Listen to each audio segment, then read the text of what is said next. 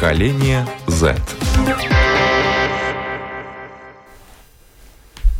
Здравствуйте, с вами Марина Талапина, режиссеры программы Даниэль Йоффе и Роман Жуков. И, как всегда, уважаемые зрители, слушатели, спасибо вам, что вы нас слушаете. Я напоминаю, это можно делать практически на всех платформах, включая Spotify, Google, Apple, подкасты. И, конечно, нас можно слышать и видеть на нашем сайте lr4.lv. Заходите, смотрите. И, что очень важно, также вы можете нам писать, потому что мы сейчас в прямом эфире, эфире. И если у вас есть вопросы, пожалуйста, их задавайте. Мы обязательно на них ответим. Сегодня экстремальная погода, и так совпало, что у нас сегодня тоже экстремальная тема. У нас в гостях ребята, городские исследователи, которые исследуют города и села не только вдоль и поперек, но также и вглубь и вниз. И я рада представить с нами Владислав Синкан. Здравствуйте. Виктория Смирнова. Всем привет. И с нами на связи по Зуму Никита Глухов. Здравствуйте. И основатель движения Volunteers ЛВ, специалист по продажам акционерного общества Ремерс Рига Виталий Дубов. Виталий, привет. Добрый день, дорогие радиослушатели. Итак, э, обычно, когда э, правонарушителей ловят. Почему, собственно говоря, у нас э, Виталий тоже с нами на связи. Он далеко не городской исследователь в том понимании, в котором э, сейчас ребята э, расскажут. Э, но, тем не менее, э, если нарушителей ловят, их, как правило, сдают правоохранительным органам. А вот Виталий поймал и, собственно говоря, сдал их на радио в наши руки для того, чтобы мы э, поподробнее о вас рассказали. Когда и, и где, и за какими делами были застуканы эти молодые люди?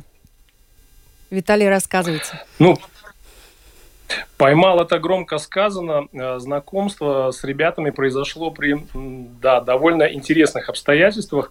Э, дело в том, что э, ряд наших коммерческих и некоммерческих проектов проходит в тесном сотрудничестве с Рижским судоремонтным заводом.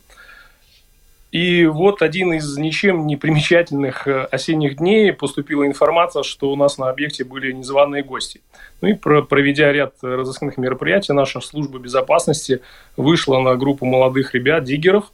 Ну, я им назначил встречу, вот э, так и познакомились. Ну и познакомились, и практически можно сказать, что подружились. А часто вот так вот вас на вас выходят или правоохранительные органы, или какие-то security ну, разыскивают? Периодически бывает, но в основном это очень редко случается.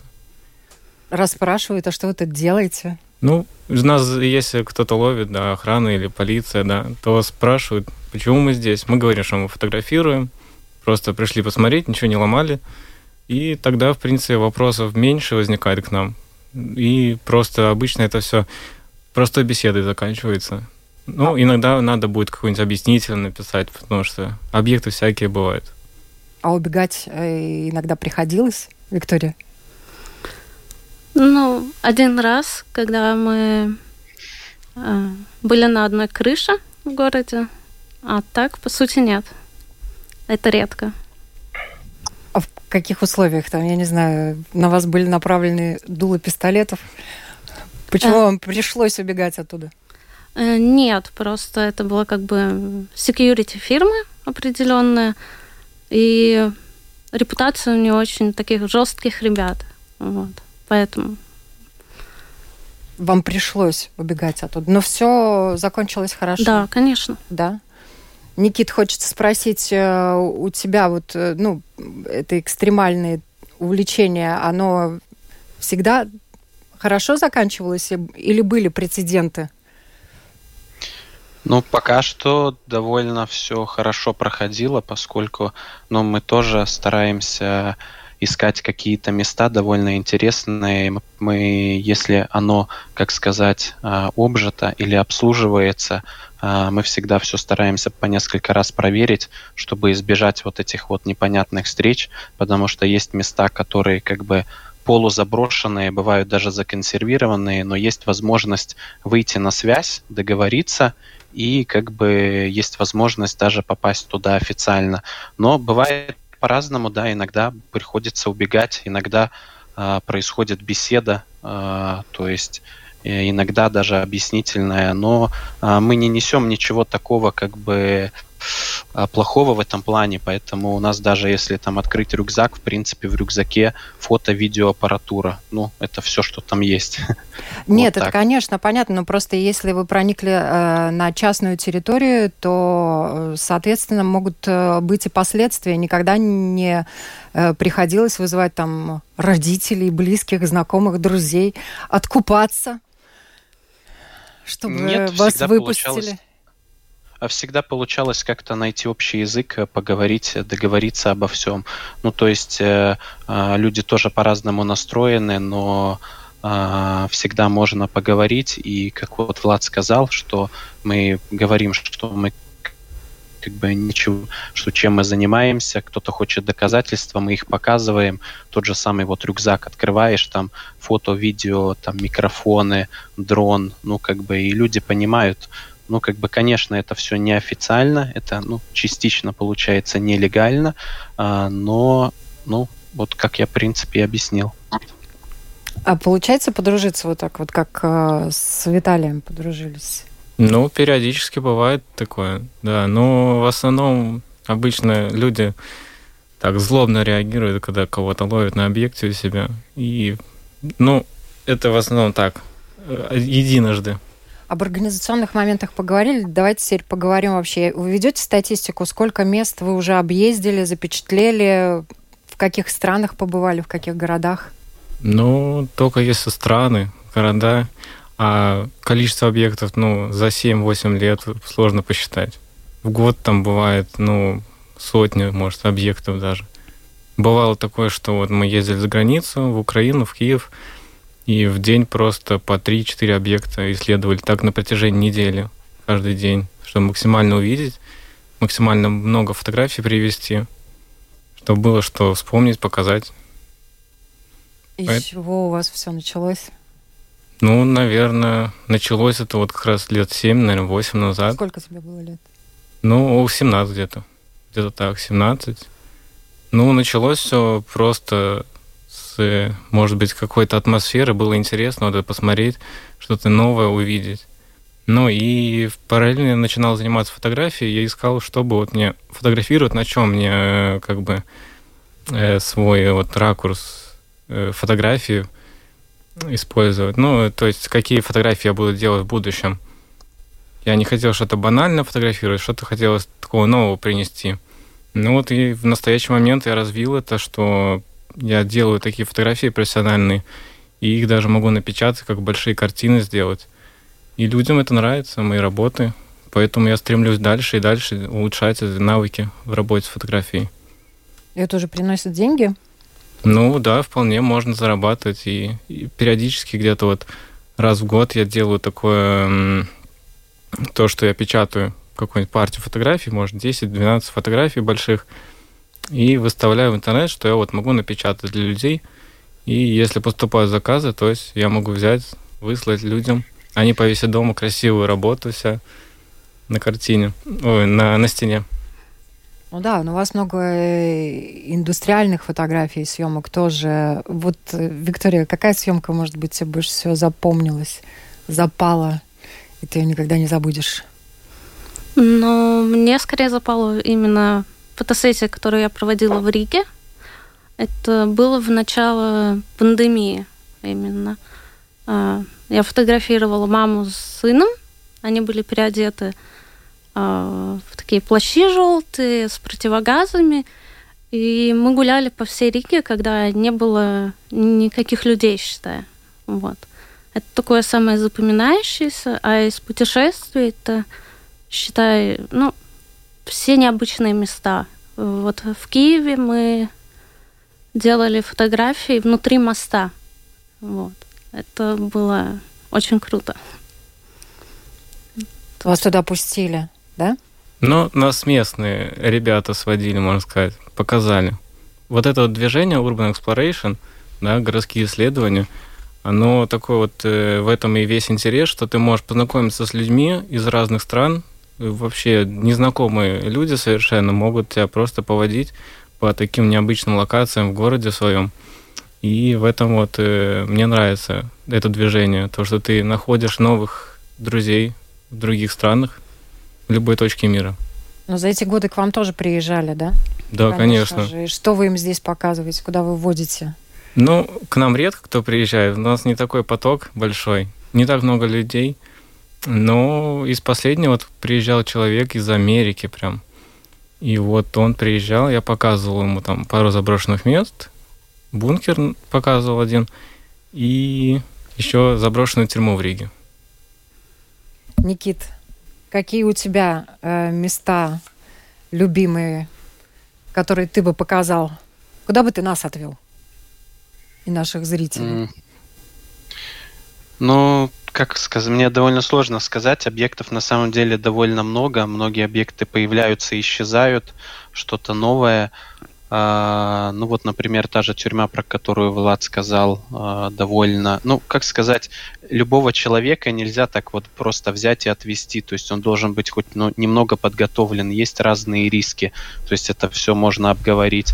Но так, в принципе, мест довольно много, например, а, очень необычное место есть Вэфовский бассейн, то есть это вот целая часть здания, где ВЭФовский бассейн, тренажерный зал, то есть все здание там э, с зала ожидания, с э, заканчивая всеми подсобными помещениями. Можно попасть прям даже под сам бассейн, посмотреть, как раньше это все строилось, как это отапливалось, подогревалось, система фильтрации. Ну, то есть та же самая тюрьма она ну, в относительно довольно хорошем состоянии, и там есть на что посмотреть. То есть вот полностью настоящая тюрьма, которая закрыта, и где можно увидеть все, начиная там от КПП, когда вот заключенных привозили, и проходя вот, грубо говоря, весь периметр с разных сторон, то есть там э, камеры, следственные комнаты, там э, комната директора с потайными комнатами, ну, то есть э, актовый зал, зубоврачебный кабинет, ну, то есть вся довольно такая территория, где есть что посмотреть, пофотографировать, ну, и узнать какой-то истории, посмотреть, как вот, ну, это все, как, как там люди, получается, содержались, как там вся вот эта жизнь происходила. А то Виталия хочется спросить, э, конечно, там где ребята побывали, у вас тоже есть что посмотреть. А вот э, куда вы бы сами хотели отправиться у нас в Латвии, чтобы посмотреть из таких э, деградирующих объектов или законсервированных? Ну, на самом деле, да, на судоремонтном заводе есть что посмотреть. Сам я небольшой любитель вот именно такого вида активного отдыха, но вот то, то, чем ребята увлекаются, да, то, что мне они рассказали, а, мне стало интересно, и вот я предложил и в частности, сотрудничество да, а, по ряду а, социальных э, проектов, также и социально-коммерческих проектов, связанных с тем же судоремонтным заводом. На самом деле, вот у нас есть и на территории бункер – да, есть э, жилой отсек э, на случай ядерной войны, там предполагалось, что а, будут жить люди. Да, у нас есть э, прекраснейший биотоп. Все это находится в одном из микрорайонов Риги, в Эцмилгрависе. Да, место на самом деле очень примечательное тем, что там очень много а, вот таких вот сооружений. В рамках э, тех же наших проектов э, мы проводим э, курсы для молодых людей, для детей, для семей, для, в которых мы рассказываем как раз, как раз об опасности посещения таких мест. И вот мы ребят приглашаем на эти мастер-классы, чтобы они поделились своим опытом, как избежать попадания вот в проблемные ситуации. Вы как, как раз сняли как у из... меня, можно сказать, вопрос с языка, потому что я хотела сейчас у Влада спросить. Никита упомянул о том, что надо идти э, в такие места подготовленными. Да, и это, наверное, подготовка не только психологическая, но и физическая. Вот э, как подготовиться? Как вы готовитесь для того, чтобы пойти в такую зону? Ну, самое главное, это, наверное, с собой э, иметь хороший фонарик, чтобы в случае чего не потеряться в темноте. Если ты, допустим, идешь в какое-нибудь подземное сооружение, да, то обязательно там несколько фонариков должно быть на всякий случай. Ну и физическая подготовка, то есть, ну, если человек э, как бы плюс-минус там гуляет, занимается спортом, да, то как бы спокойно может. А есть же люди, которые достаточно такой образ жизни спокойно ведут дома, там сидят, или работа такая сидячая в офисе, то, ну, будет сложновато, наверное, могут люди устать. Также было вот, когда мы ходили этим летом в Чернобыльскую зону отчуждения, то человек с нами был, который, ну, такой, он все время на машине, пешком не ходит до магазина на машине, и вот он уже хоть много раз ходил туда, но все равно на полпути уже говорил, все, я устал. Но дошел человек, да, дошел. То есть, в принципе, если команда хорошая, то тебя не бросят. А сколько километров в итоге вы наматываете в таких путешествиях? Ну, бывает по 40 километров в день пешком. Да, даже Виктория так. начала улыбаться, когда ты начал рассказывать про этого мужчину. Да, это наш общий знакомый. Ну да, это, так сказать, знакомый. Вот. Э, я шла как бы... Ну и Влад, мы без подготовки. Мы спонтанно поехали в Чернобыль. Вот. И вот даже я, когда шла, я думала, ну, надо дойти, ну, нельзя подводить команду и людей, которые идут с тобой, потому что кто-то, ну, может разозлиться или еще что-то. И вот это стимулирует, когда есть те, кто идут впереди, и это, так сказать, не сдаваться. Вот. Но это тоже вызов для вас, да, такой да. челлендж дойти, сфотографировать. Все, все это испытания, это как экстремальные такие квесты. Иногда ради того, чтобы попасть на какой-то объект, нужно выжидать по полгода даже, один день. Такое вот было у нас. Мы полгода выжидали момент. Одна ночь была, когда вот были в центре леса на собор, где петушок. Это прям мечта была попасть, вот притронуться к петушку. И полгода стояли леса. Я упустил момент, когда его снимали. И я понимал, что когда его поставят, сразу же уберут леса. И вот эта вот ночь была единственная.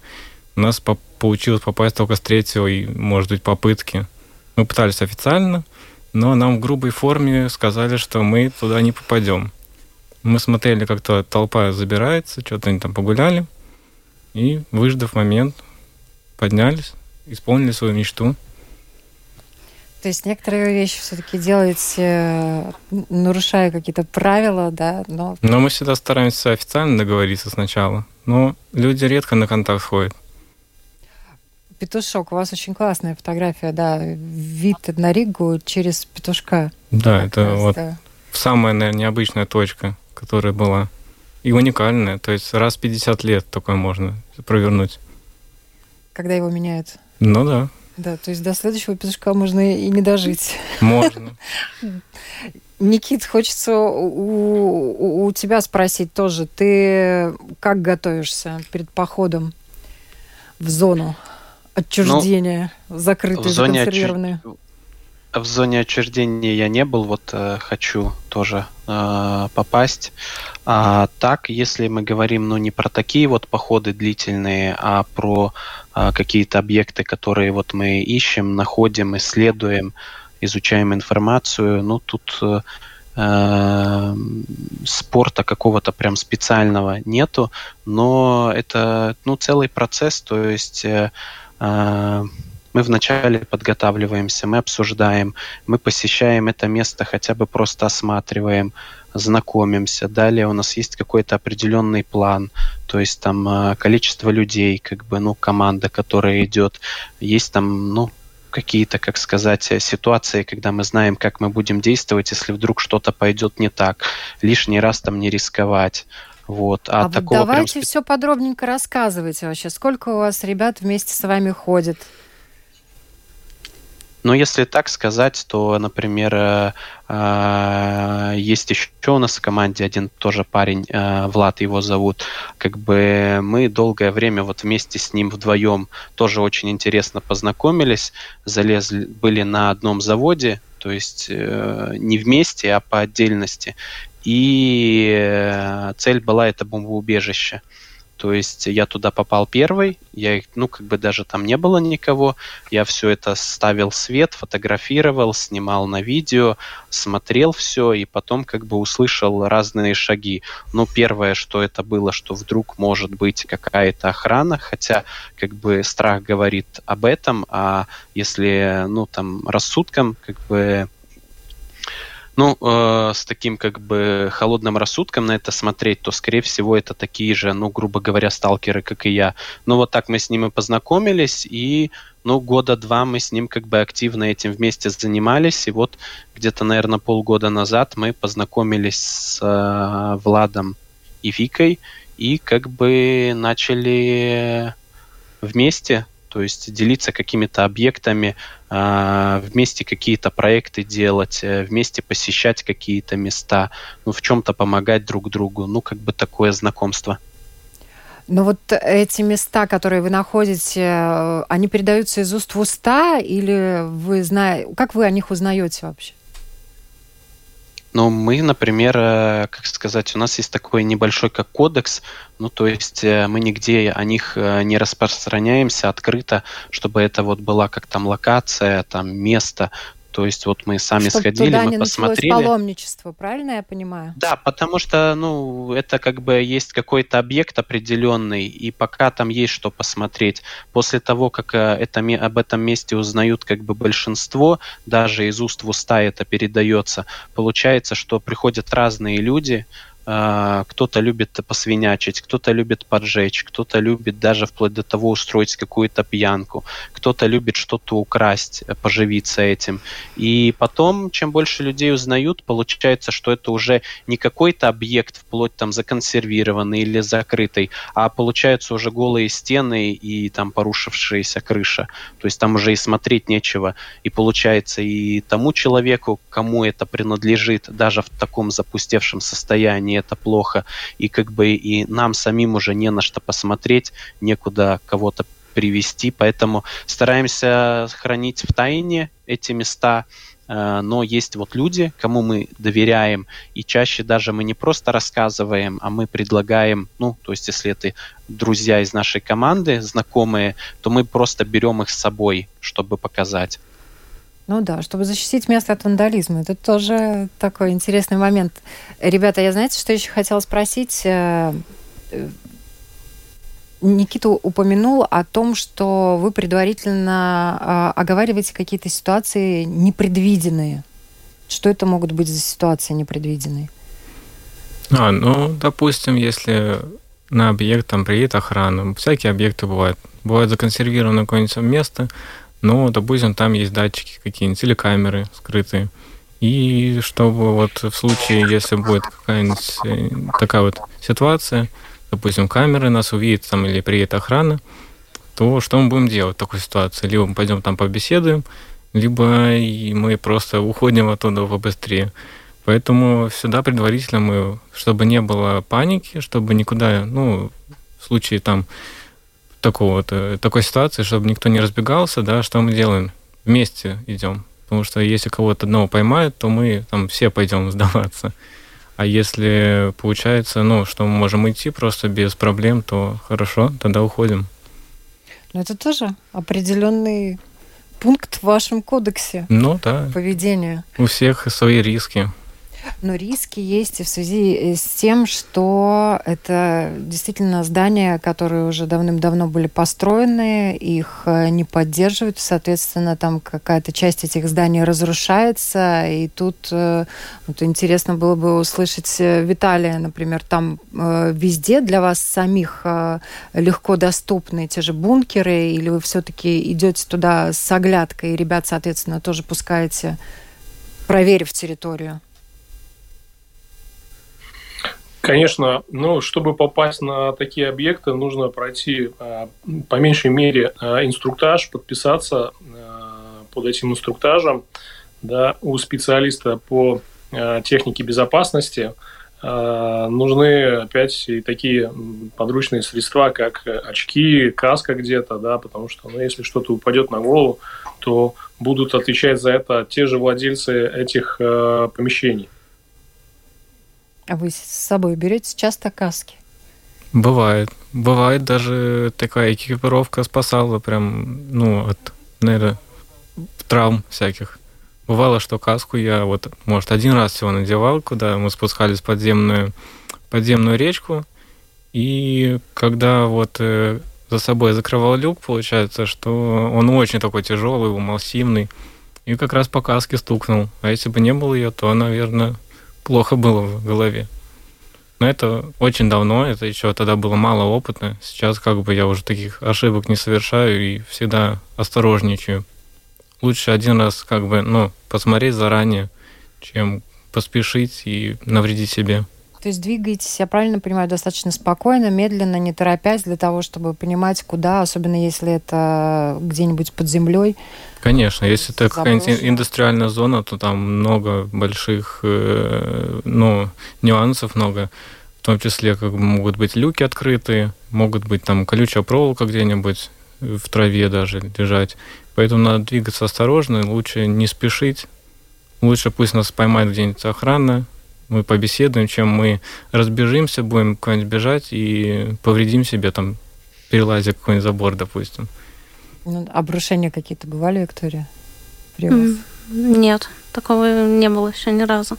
Бог миловал, да? Да. Но вы э, вообще вот сколько метров э, над землей вы уже освоили? Куда вы поднимались? Петушок вот как раз показывает, сколько метров. Ну, ну около я... где-то 90 метров, 80-90. Ну да, я думаю, что это не предел, да? Вы сидите на одном из зданий, сколько там метров? А... Там, наверное, даже, может быть, 100 а, метров нет. Здесь? Там на фотографиях. Да. Но там было парень на трубе с дымом стоял. Это где-то тоже где-то 70 метров. Но я со стороны снимал снизу, а он как бы отважно э, выполнял идею ради фотографии.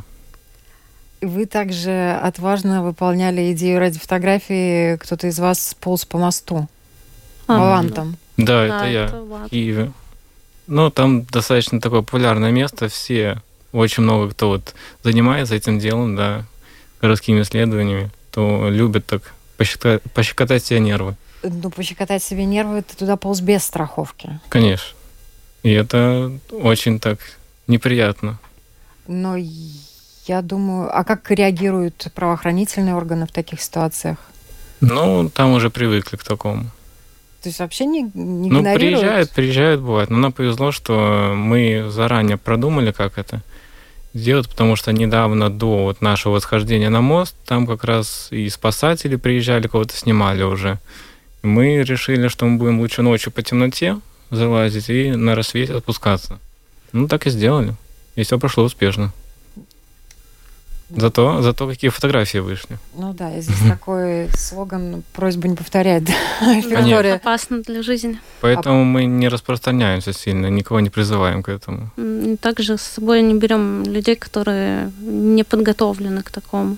Вот у меня лично есть страх э, к воде, и этот мост, да, как бы там снизу вода, я попробовала залезть, но я почувствовала, что мой страх э, сильнее, и в итоге я не полезла. И до сих пор я не залазила на этот мост.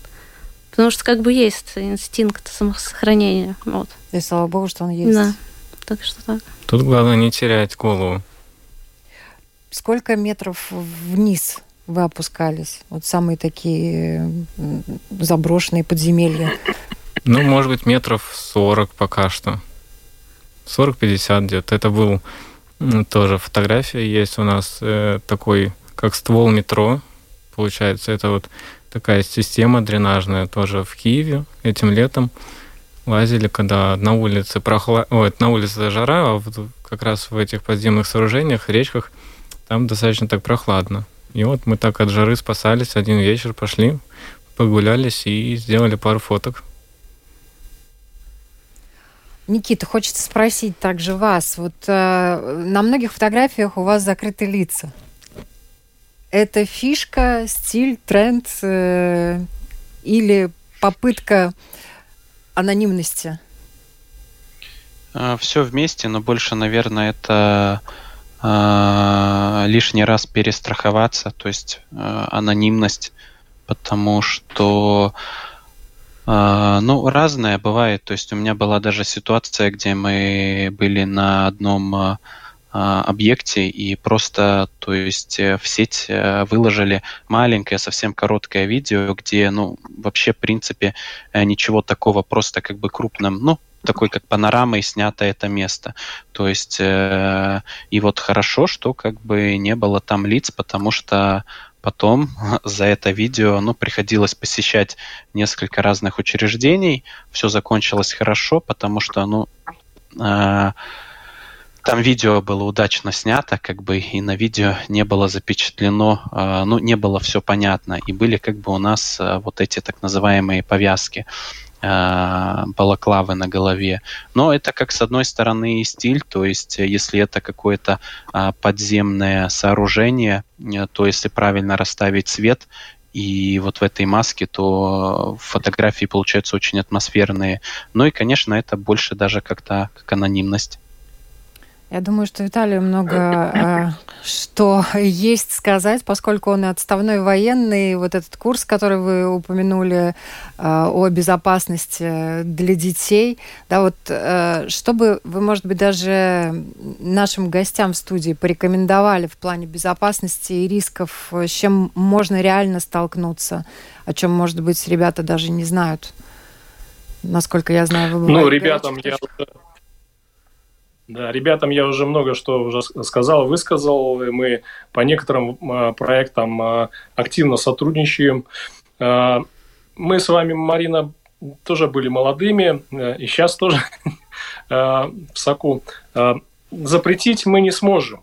Да, запретить не сможем, но вот что я увидел в, в как, какое вот э, зернышко увидел в том, что делают ребята. Э, много э, таких вот, э, которые ползают по таким объектам, опасным объектам, да, они проходят инструктаж, и э, вот, вот это взять как-то превентивно, может быть, не то, что под контроль, а под э, как-то отрегулировать. Вы же тоже слышали, что это вот какое-то уже туристическое направление, да, и если будут вот такие обученные ребята, которые будут проходить э, курс э, по технике безопасности вот на таких объектах будут согласовывать э, такие мероприятия. И э, вот таким же э, интересующимся проводить экскурсии на объектах, э, да, вот интересных объектов, фотографироваться, там, рассказывать о них э, подробно, то, возможно, вот это и есть то правильное решение в этом, да, я а, тоже, когда мне было 18, играл максимализм, я отправился служить в армию, был в горячих точках, прыгал с парашютом, бегал с автоматом по горам. Ну, вот все во мне это было. И, наверное, молодому поколению тоже нужно искать вот эту нишу, где бы они вот этот э, поднимали возможность понятия адреналина, да, самореализации. А, вот то, что ребята говорили, это и социализация, они знакомятся друг с другом, а, что-то познают, э, ну, занимаются каким-то делом, которое их объединяет. И вот, вот это правильно, я считаю. Ну, тут целое движение, которое на самом деле уже международное. А вот где бы вы еще хотели побывать? Есть же города-призраки, тот же Припять, где вы уже были, есть же и в России много городов таких вот. Есть места, где бы ты обязательно хотел побывать? Ну, наверное, самый топ это на Каспандоре Байконур. Есть э, ангар, где стоит э, два макета Бурана и целая ракета, которая в космос должна была лететь. То есть э, может быть, Байконуры. Что еще у нас такого классного есть в мире? Ну, много есть в Германии классной индустриализации. То есть это заброшенные электростанции. Очень красиво выглядит. Мы вот как раз года два назад ездили в Германию на где-то две недели. Поехали, и у нас был такой маршрут большой по нескольким точкам. В том числе там была вот огромная машина такая, которая добывала руду для электростанции.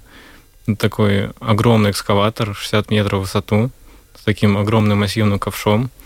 И вот также мы этим летом ездили на подобную машину в Украине. Это очень далекий путь был, но это была, наверное, главная цель лета — добраться до нее. И мы это сделали, сделали классные фотки. Виктория, куда бы ты хотела отправиться еще? Э, я хочу в парижские катакомбы. Вот, это, так сказать, мечта. Прям. Конечно, хотелось бы побывать и в Японии. Там тоже есть свои места особенные. Но пока из планов еще раз поход э, в Припять. Да. Чтобы сделать больше каче- качественных снимков. Вот. Так что так. Никита. А, я в Припяти так и не смог побывать. Были планы довольно большие. Там уже даже была небольшая команда. 20 год, а, весна. Но вот как раз наступила пандемия, и как бы все сорвалось. И вот сейчас в планах это все-таки уже попасть в Чернобыль, а, ну вот в Чернобыльскую зону отчуждения. И летом, если, конечно, все, все получится и как бы все станет на свои места. А, а так э, я мало где был за границей, в плане за границей э, вот на таких вот объектах. То есть путешествие это одно, а вот как э, Urban Exploration такой за границей, у меня такого опыта большого как бы нету. Но мы вплоть до того, что как бы Латвия сама по себе небольшая и много объектов сосредоточено в каких-то определенных больших городах, все равно мы продолжаем как бы поиск, ищем, изучаем какие-то карты, карты, изучаем разную информацию, и как бы э, мест, может, не так много осталось, но они еще есть, поэтому вот стараемся, я, например, стараюсь еще искать что-то сильно здесь и находить что-то новое, интересное, необычное, какие-то подземные сооружения. Анна спрашивает, э, наша слушательница, ребята называют себя городскими исследователями, а что именно вы исследуете, в чем э, суть ваших походов вот. Ну, Зачем все это? Ради чего? В основном это делается ради фотографий, которые потом я и мы в целом можем э, просто сохранить для истории даже. То есть э, исследуем город, находим какие-нибудь места исторические, в том числе заброшенные, находим, сохраняем это в фотографии, и в будущем даже вот э, это может быть пригодится для истории, я думаю. И ко мне даже обращалась компания одна строительная, Э, мы когда-то, может быть, в 2018 году снимали один объект. Это такое здание заброшенное в центре было. И компания, которая занимается строительством, обратилась ко мне, попросила эти фотографии. И вот они сделали реновацию в этом здании, красиво все сделали. И вот они попросили фотографии, чтобы был э, до и после результат. И в целом вот для этого делаем, чтобы сохранить это все в истории. А если взять вот такую вот личную мотивацию, Виктория, для чего тебе это? Это лично для меня как для сохранения истории. Потому что снимок ты можешь потом посмотреть, э, рассказать об этом месте, а место этого уже может не быть нигде. Все, оно уничтожено. И также, когда ты приходишь на какой-то объект, он в целости, например, находится, ты делаешь фотографии уникальные, и приходишь через время, и если эта информация как-то, ну вот, кто-то еще нашел это место, ты уже приходишь, там может чего-то не хватать, еще что-то, или все разрушено. Ну, вандализм. Есть люди, которые занимаются. Вот. А у тебя снимок, и он уникален. Никит, Зачем ну, мне нравится это э, со стороны еще истории, то есть наши родители застало, застали это время, хотя бы частично время вот этой холодной войны, убранства, той культуры.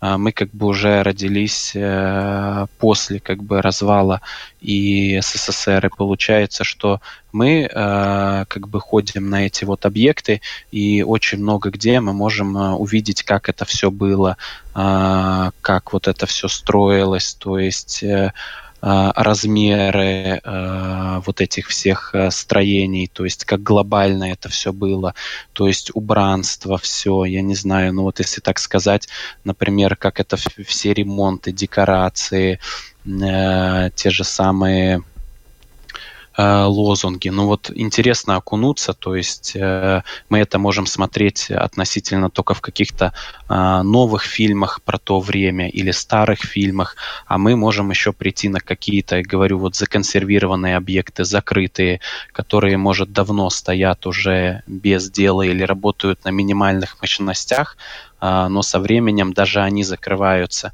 И если как бы следить, изучать это, то можно вовремя попасть в нужный объект и э, вплоть до того, что ну, увидеть, как все замерло там лет 20-30 назад и погрузиться в это все. А что бы вы порекомендовали ребятам молодым, может быть, таким молодым, как вот вы когда-то были, когда начали этим заниматься, которые думают, о, я знаю, когда мы сегодня пойдем. Что бы им сказали, Влад? Ну, я бы, наверное, не рекомендовал заниматься таким же делом, каким мы занимаемся.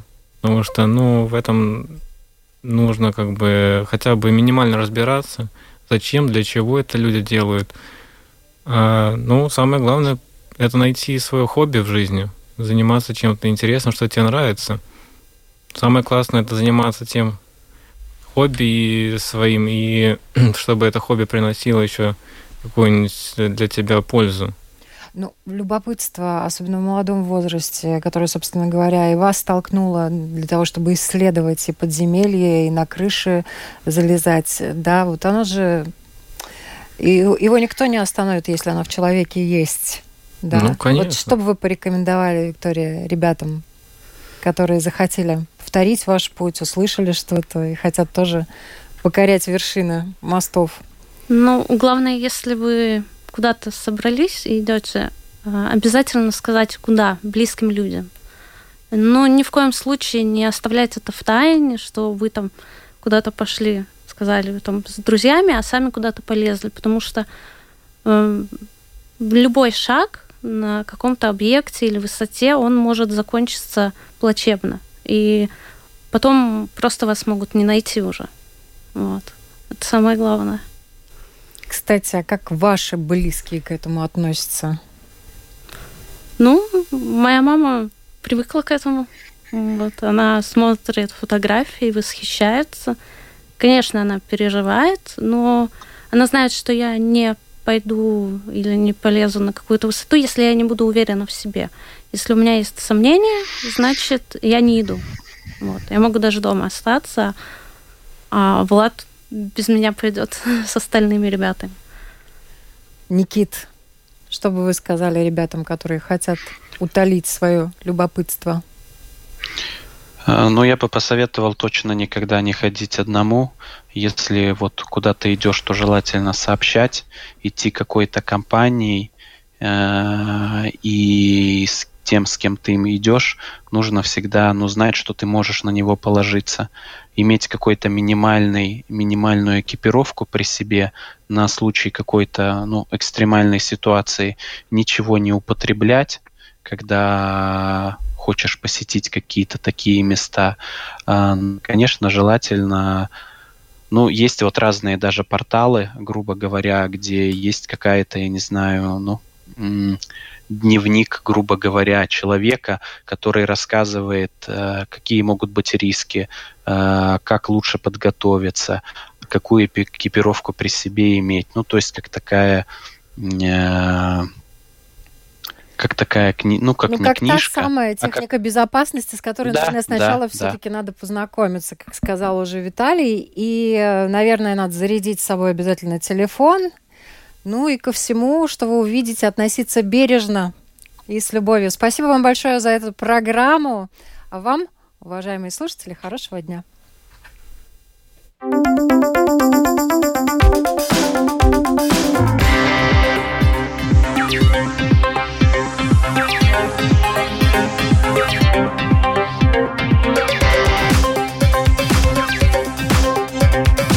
Поколение Z.